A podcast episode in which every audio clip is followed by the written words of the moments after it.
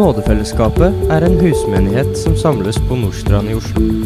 Vi håper at forkynnelsen du nå skal få høre, vil bevare og velsigne deg i Herren Jesus Kristus.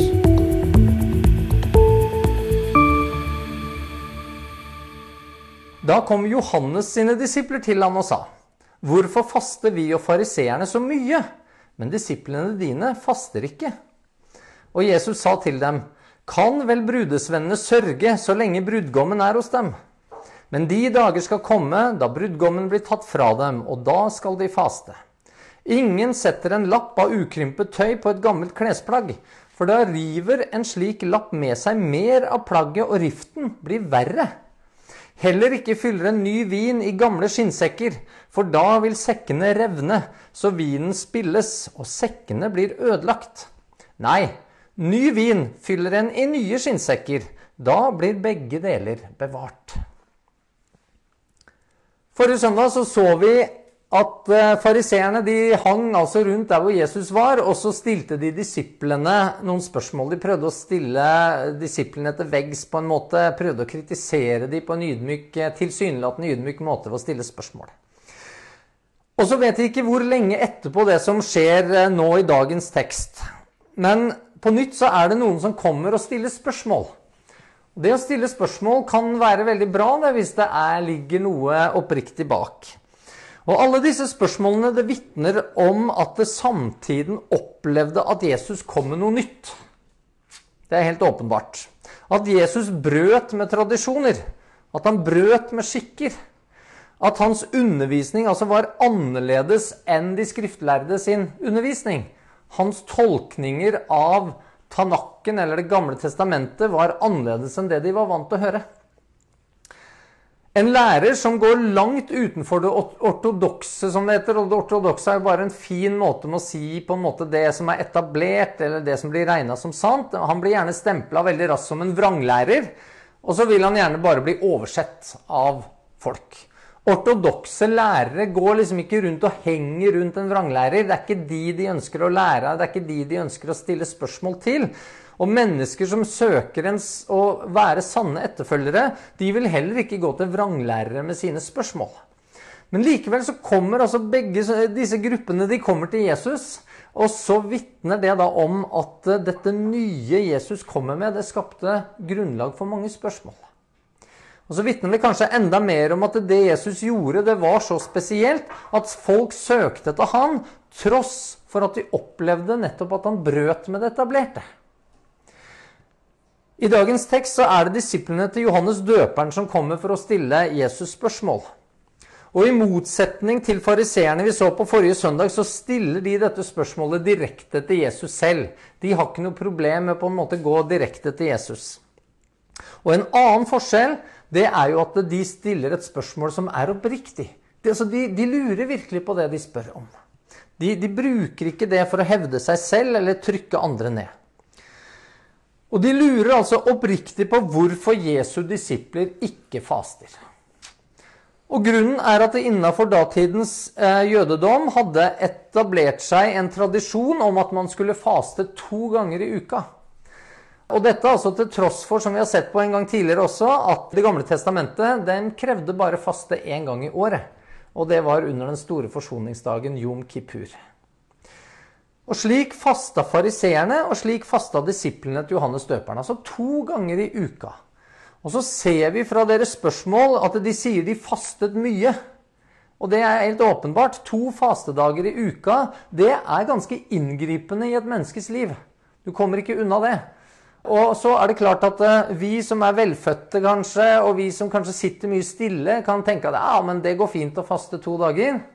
Det er ikke fullt så enkelt for de som kanskje ikke er like velfødde og må bevege seg noe mer enn en moderne nordmann må. Det var altså inngripende i livet til mennesker, dette. Det krevde noe av de. Og så hadde denne ukentlige fastingen blitt en måte å vise sin rettferdighet og gudsdyrkelse på. Ikke at det var noe gærent i denne tradisjonen, sånn isolert sett. Men slik den ble praktisert, så var den altså kun blitt døde gjerninger. Altså fullstendig meningsløse ting, egentlig. Og så er det sånn at alle ting kan bli det. Vi står i en fare for det alle sammen. Ja, det å gå i kirka hver søndag, det å synge lovsanger, ja, vitne eller til og med lese i Bibelen, det kan bli døde gjerninger dersom det ikke er gjort med et ønske, et oppriktig ønske om å ære Gud, om å settes i stand til å tjene Han, til å bli bevart, og det å påkalle Guds navn. Salme 105 den sier 'Pris Herren', påkall Hans navn! Utropstegn. Kunngjør blant folkene hans store gjerninger. Igjen et sånt bydetegn.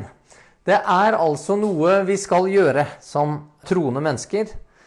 Og så er det jo slik at vi påkaller jo bare en som vi har relasjon med.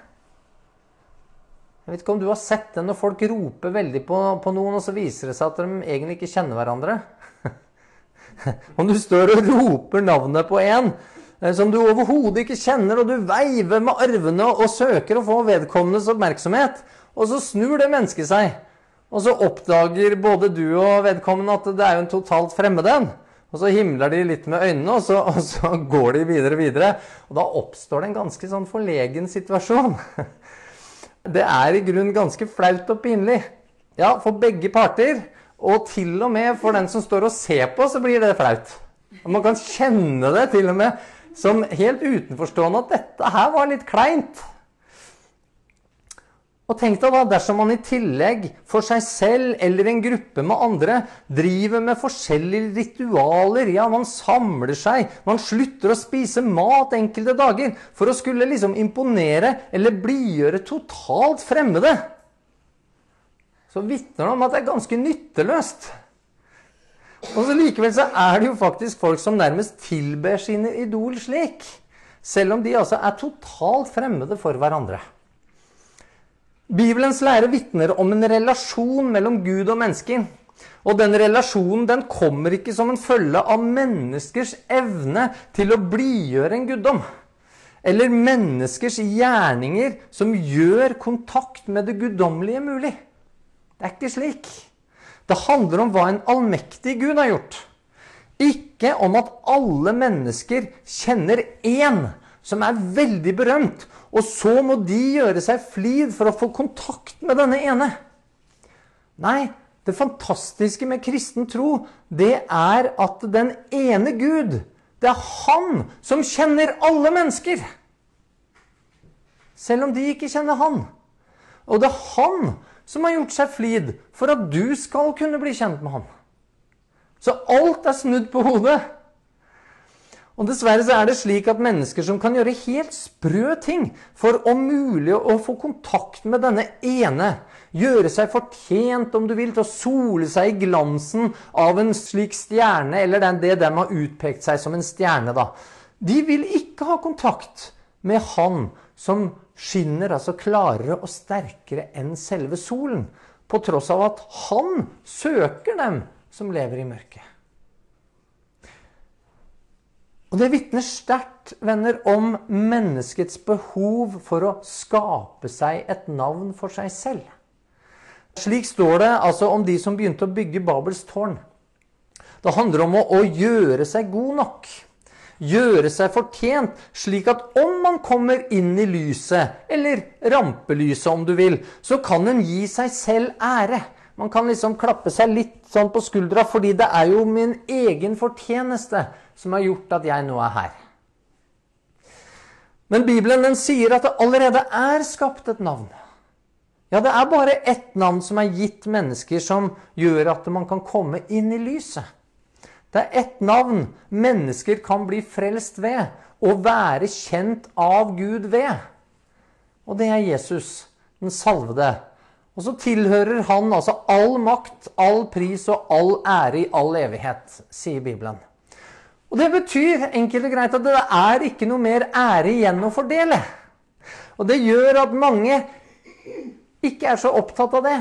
For de vil da heller blidgjøre guder på forskjellig vis. De vil skape pinlige situasjoner ved å rope og veive ved arvene for å få kontakt med totalt fremmede folk.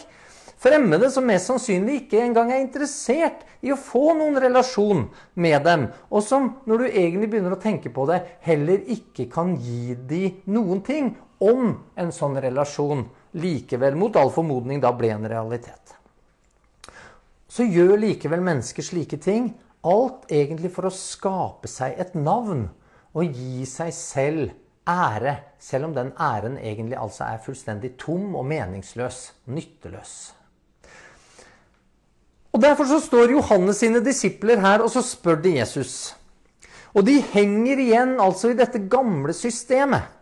Johannes døperen han var selv i fengsel på dette tidspunktet, og han hadde sagt til sine disipler at de skulle følge Jesus. Men de vi møter her i dagens tekst, de fulgte ikke Jesus. Og de fulgte derfor ikke det Johannes hadde lært dem, på tross av at de kalte seg hans disipler. Det er jo litt interessant å legge merke til. Så de satt da igjen med lite annet enn tomme ritualer. Og så er det ironisk nok nettopp derfor at slike ritualer blir så viktig. Fordi det er det eneste de har. Mangel på sant innhold og sann tro, det kan dere legge merke til, det vil ofte skape en veldig rikholdig utvalg av ritualer, av tradisjoner og forskjellige ting som mennesker føler de er nødt til å følge. Ritualene blir det viktigste fordi selve troen er tom. Og Derfor så kan vi se at i flere religioner, også innafor en del ting som kaller seg kristent, så står altså tradisjonen og prosesjonen og ritualer står veldig sterkt. Johannes sine disipler merka seg jo at Jesus han ikke vektla disse tingene. Og så spør de Jesus hvorfor det. Altså, Hvordan kan det ha seg at Jesus ikke lærer noe om dette som er så viktig? Det er jo det. De spør jo ikke om ting fordi de tenker det er helt uviktig. Det er nettopp fordi disse ritualene er blitt så viktige, for det er kanskje det eneste de har, at de spør om dette. Og så kunne Jesus ha avvist hele problemstillingen. Han kunne fortalt dem om hvor uviktig dette her faktisk var. Hvor døde slike gjerninger er. Ja, Han kunne svart slik som han ofte svarte fariseerne. Men så gjør han ikke det i denne situasjonen. Og det gir oss et lite hint om at her bør vi følge med på Jesus svar. For dette var et oppriktig spørsmål fra noen som hadde vandra seg vill. Det var mennesker som ønska å påkalle Herrens navn, men som ikke visste hvordan de skulle gjøre det.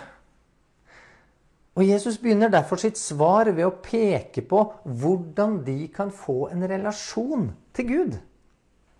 Han forteller dem at de burde egentlig ha lytta til det Johannes hadde bedt dem om å gjøre. Og så sier Jesus, 'Kan vel brudesvennene sørge så lenge brudgommen er hos dem?' Og her slår Jesus to fluer i ett smekk. Han, han putter enormt mye informasjon, vil vi se, inn i dette svaret til disse. Han svarer på hvorfor hans disipler ikke faster. Fordi ingen ville fastet når man feira noe, og definitivt ikke når man feira sammen med en brudgom eller var i et bryllup. Det var altså ingen grunn for å sørge, og derfor heller ikke for å faste. Og hvorfor? Jo, fordi brudgommen altså var sammen med brudesvennene. Og så er jo spørsmålet heller hvorfor bruker Jesus dette bildet?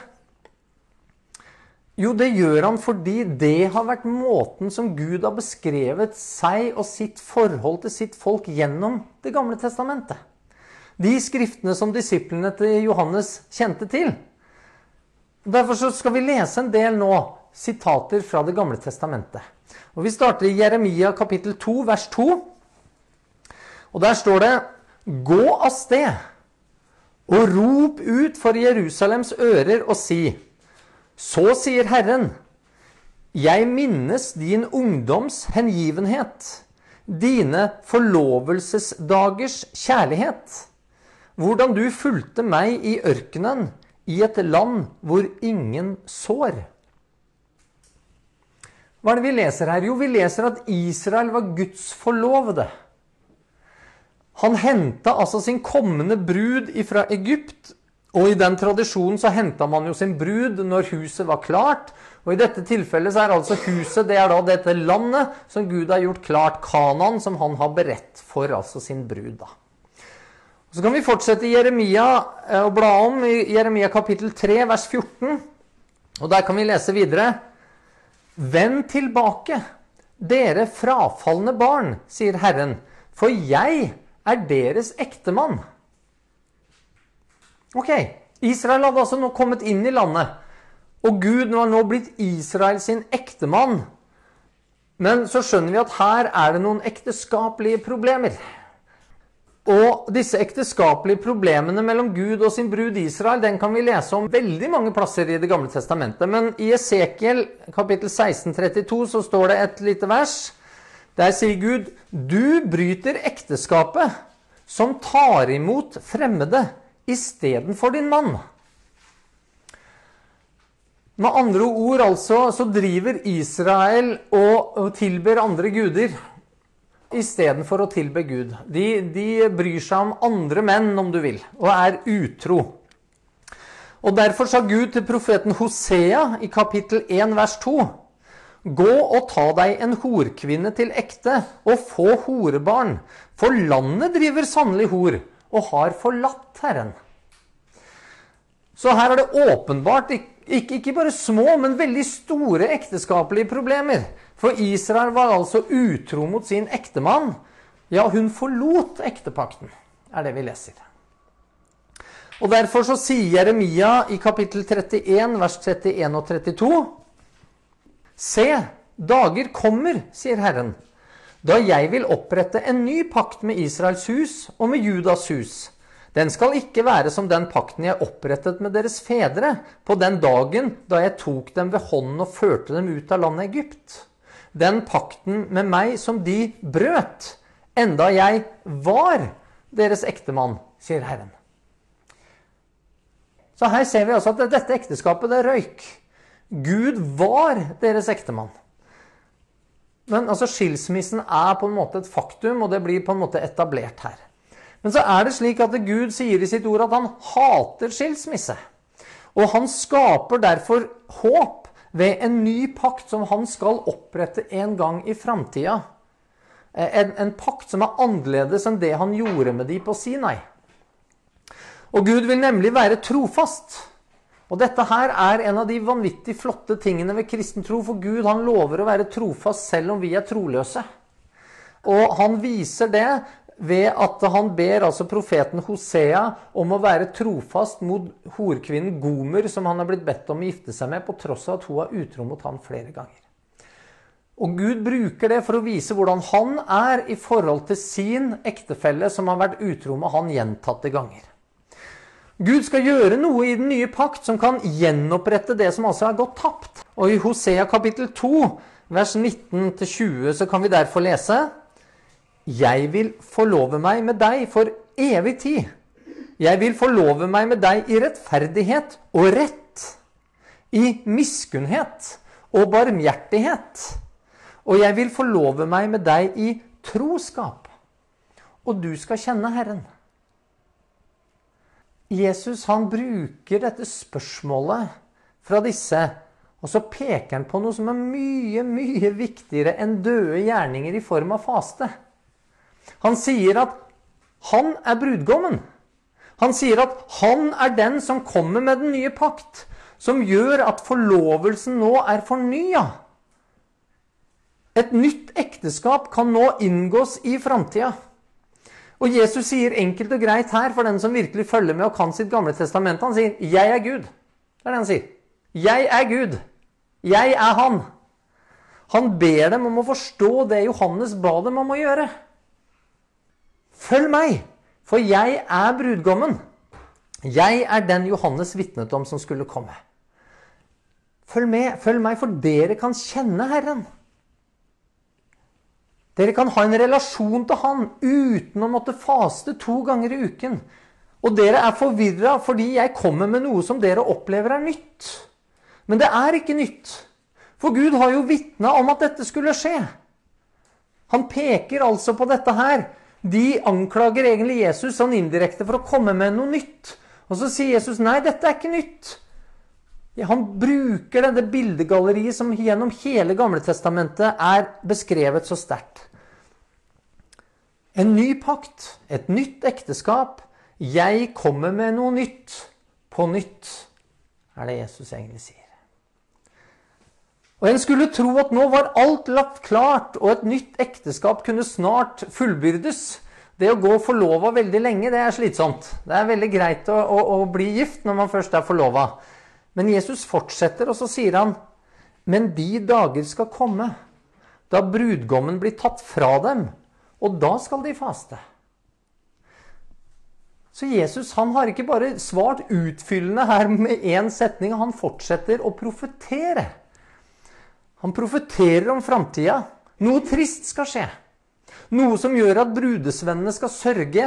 Noe som gjør at det blir et virkelig behov for å faste. Et behov for å søke Gud inderlig fordi brudgommen er blitt tatt fra dem. Og disse ordene 'tatt fra dem' henviser jo etter all sannsynlighet da, til korsfestelsen og den sorg som det ville medføre. Så lærte jo Jesus også at når verden hadde forfulgt ham, så ville de også forfølge de som hørte ham til. Og dette skaper også grunn for å faste, så lenge brudgommen altså er fraværende. Brudgommen blir tatt bort, og som akkurat likt som ved utgangen fra Egypt, så vil det være en ørkenvandring da i overført betydning også for Jesu etterfølgere. Før de altså når det lovede land. Men så vet vi at Jesus han forlot oss ikke farløse. Som Gud vandra med Israel i ørkenen som en skystøtte på dagen og en ildstøtte på natten, så har altså kristne fått Den hellige ånd, som vandrer sammen med den kristne i livet. Jesus han utviser altså veldig stor omsorg for disse mennene som spør ham. Har du lagt merke til det? Han åpenbarer egentlig enormt mye for dem. Både om hvem han er, og så begynner han å åpenbare for dem hva som skal skje. Og så fikk de ikke en irettesettelse, slik som fariseerne. Jesus ber dem ikke om å skjerpe seg og, og gå bort og lære hva det betyr, som han sa til fariseerne som var en sånn irettesettelse at Hei, dette her burde du jo vite. Gå bort og lær det på nytt. Nei, han sier ikke det. Han gir dem ikke en irettesettelse om det at Gud var Israels ektemann, og at Gud skal skape en ny pakt. Han bare henviste til det. Og så gir han dem heller ikke noen irettesettelse for at de faster unødvendig. Jesus nyanserer heller bildet deres av hva etterfølgelse av ham betyr. Hva den nye pakt betyr. I det han altså fortsetter, og så forteller han de. Ingen setter en lapp av ukrympet tøy på et gammelt klesplagg.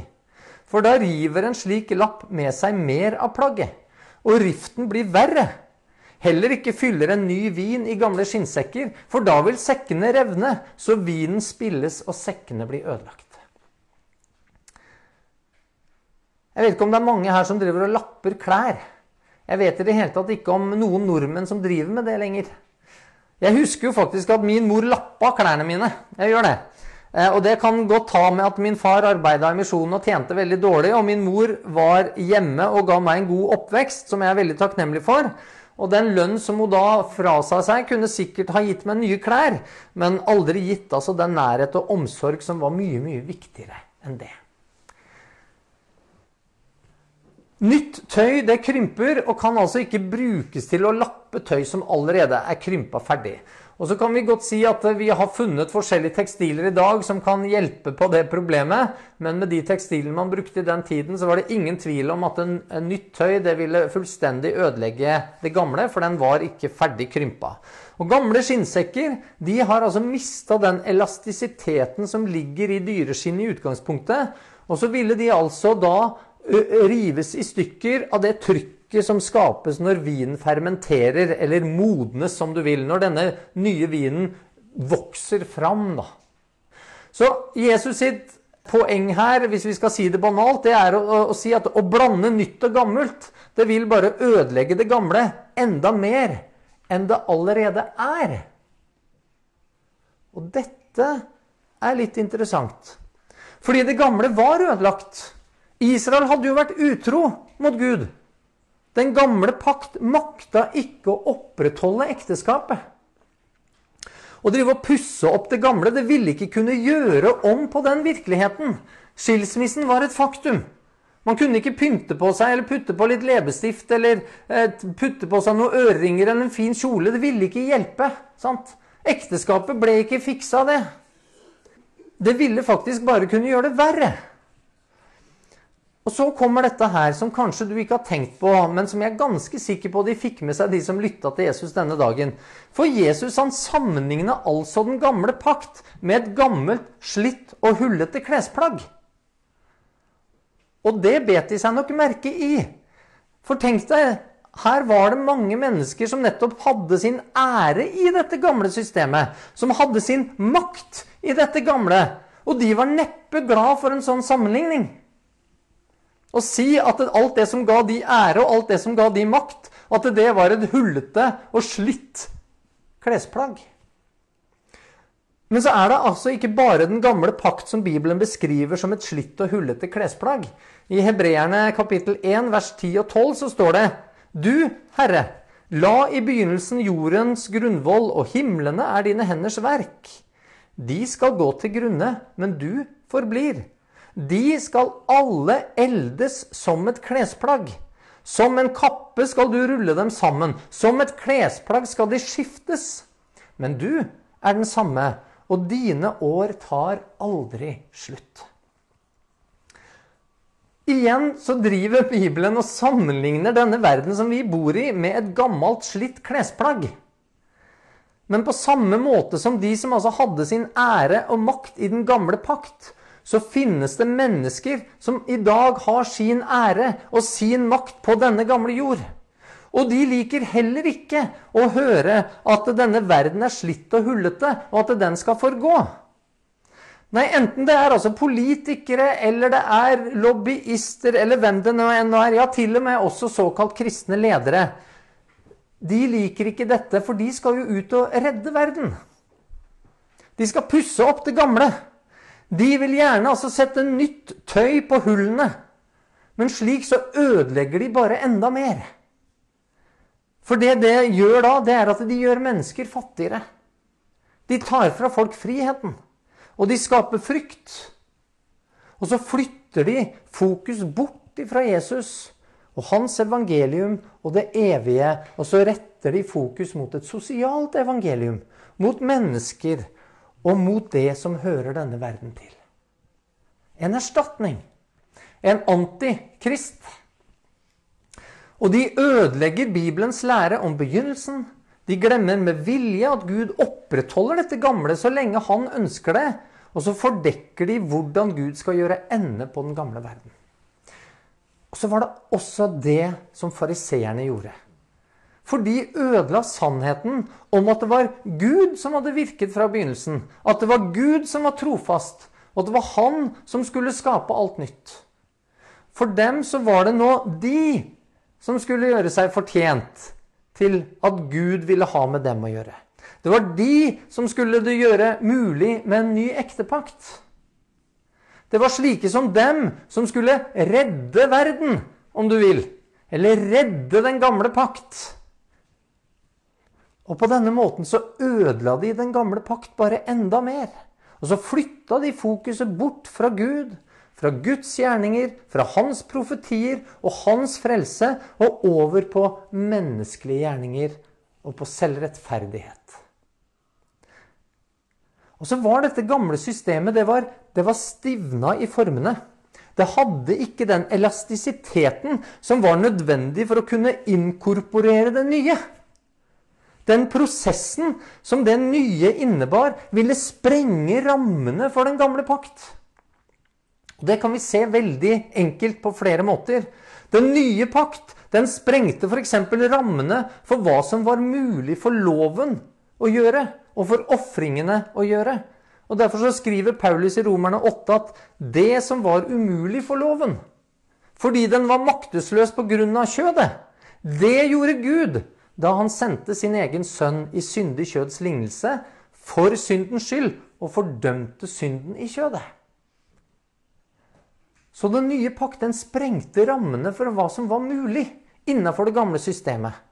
Og den nye pakt den sprenger rammene fra den gamle pakt med henhold til hvem det er Gud vil forlove seg med. For i den gamle pakt så gjaldt det kun Israel.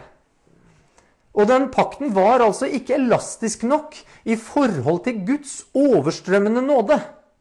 Jødenes holdning til hedninger på Jesus sin egen tid beviste det veldig godt. Den var ikke elastisk nok til å kunne inkorporere fler. Nei, fra begynnelsen så skapte Gud dem til mann og kvinne, og det er et sånt veldig konkret bilde på den ektepakt som Gud hadde planlagt fra før verdens grunnvoll ble lagt. Det står noe om disse første menneskene, om det første ekteskapet, som er veldig flott, og som egentlig er veldig, veldig profetisk. De var nakne, både Adam og hans hustru, men skammet seg ikke. Men skammet seg ikke. Syndefallet det førte skam og utroskap med seg. Men så kan dere få høre hva Herren sier om det, det ekteskapet som skal komme i framtida, i Jesaja kapittel 54. Og Legg merke til nå at dette her hentes fra Gamletestamentet stadig vekk. Det er skjult der, alt dette. Og det er det Jesus hele tiden peker tilbake igjen på. Man må kjenne sitt Gamletestament, så skjønner man ikke hva Jesus snakker om. Men i Jesaja 54, vers 4-5, så sier altså Gud, frykt ikke. Du skal ikke bli skuffet. Og vær ikke skamfull. Du skal ikke bli til skamme. Han bare understreker det igjen og igjen. Din ungdoms skam skal du glemme. Og din enkestans vanære skal du ikke lenger minnes.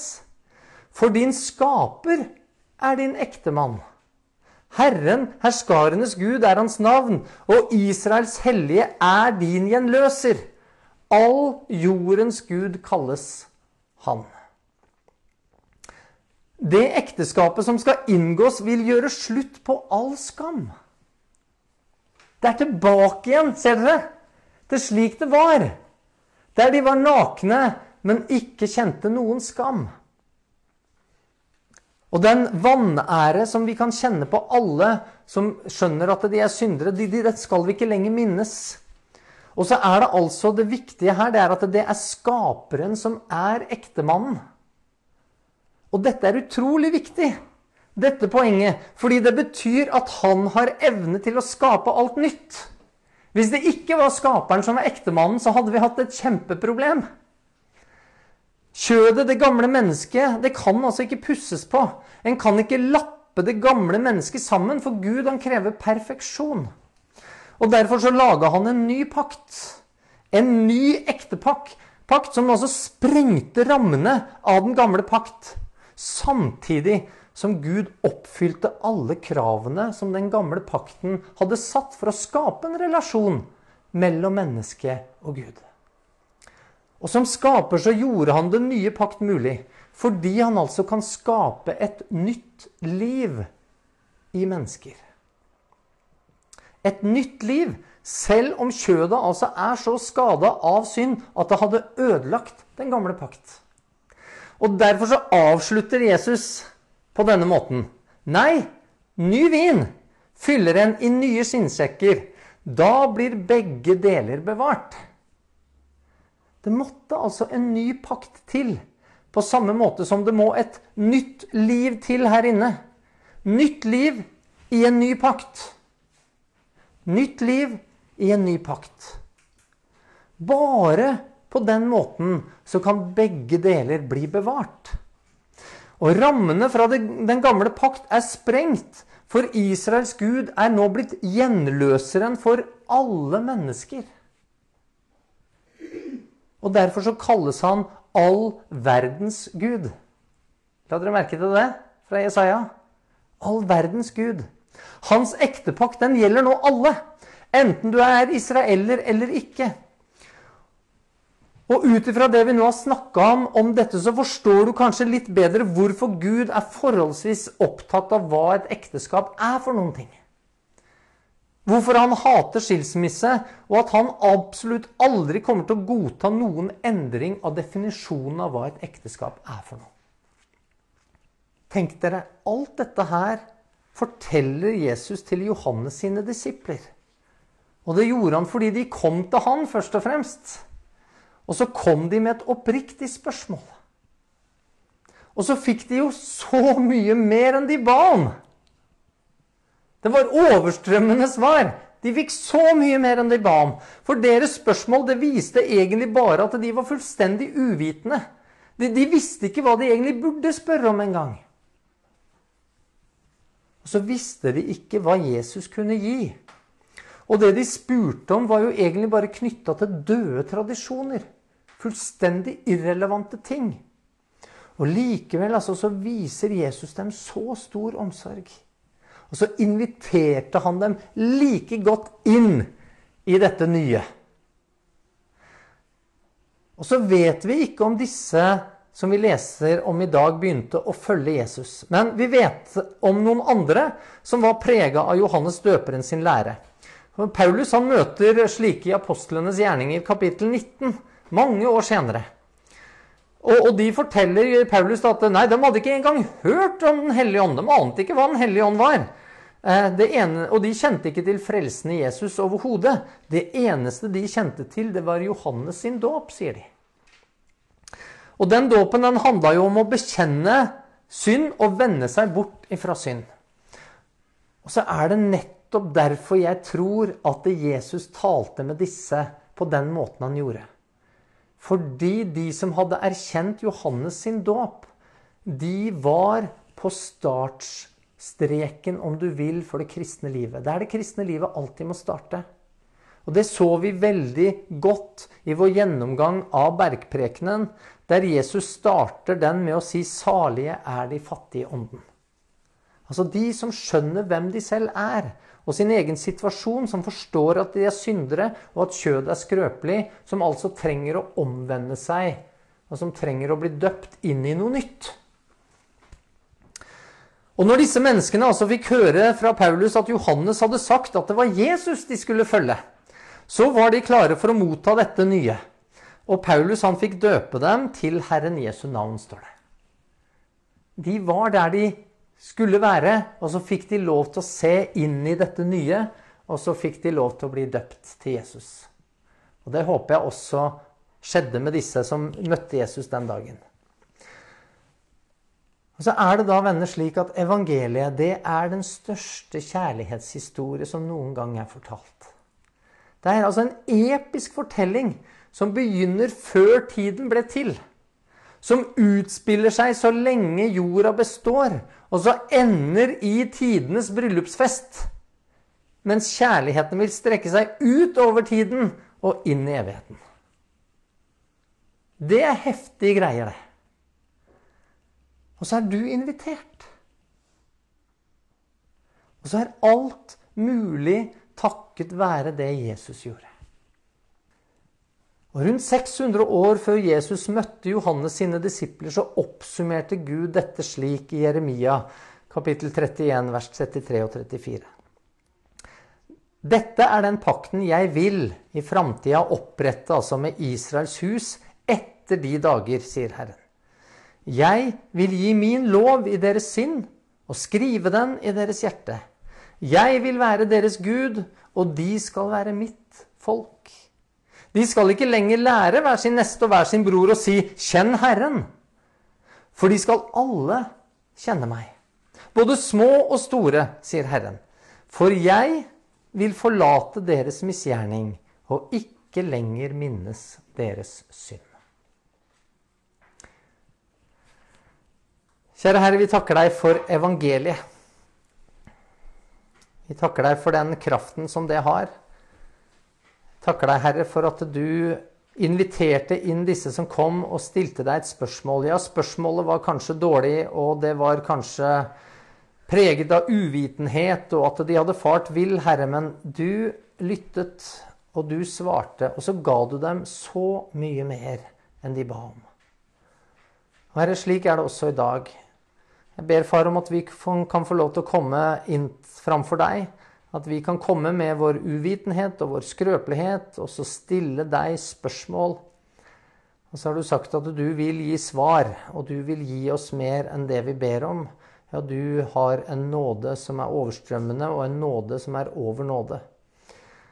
Herre, vi takker deg for det, og vi takker deg hvordan du viste det mot disse menneskene i dagens tekst, og hvordan du gjennom hele ditt ord har vist hvordan du er en trofast ektemann som vil holde ut på tross av at vi ikke alltid klarer å leve slik som vi burde, og ikke gjøre det vi burde ha gjort, Herre. Vi takker deg for det håpet som det innebærer mest av alt i dag.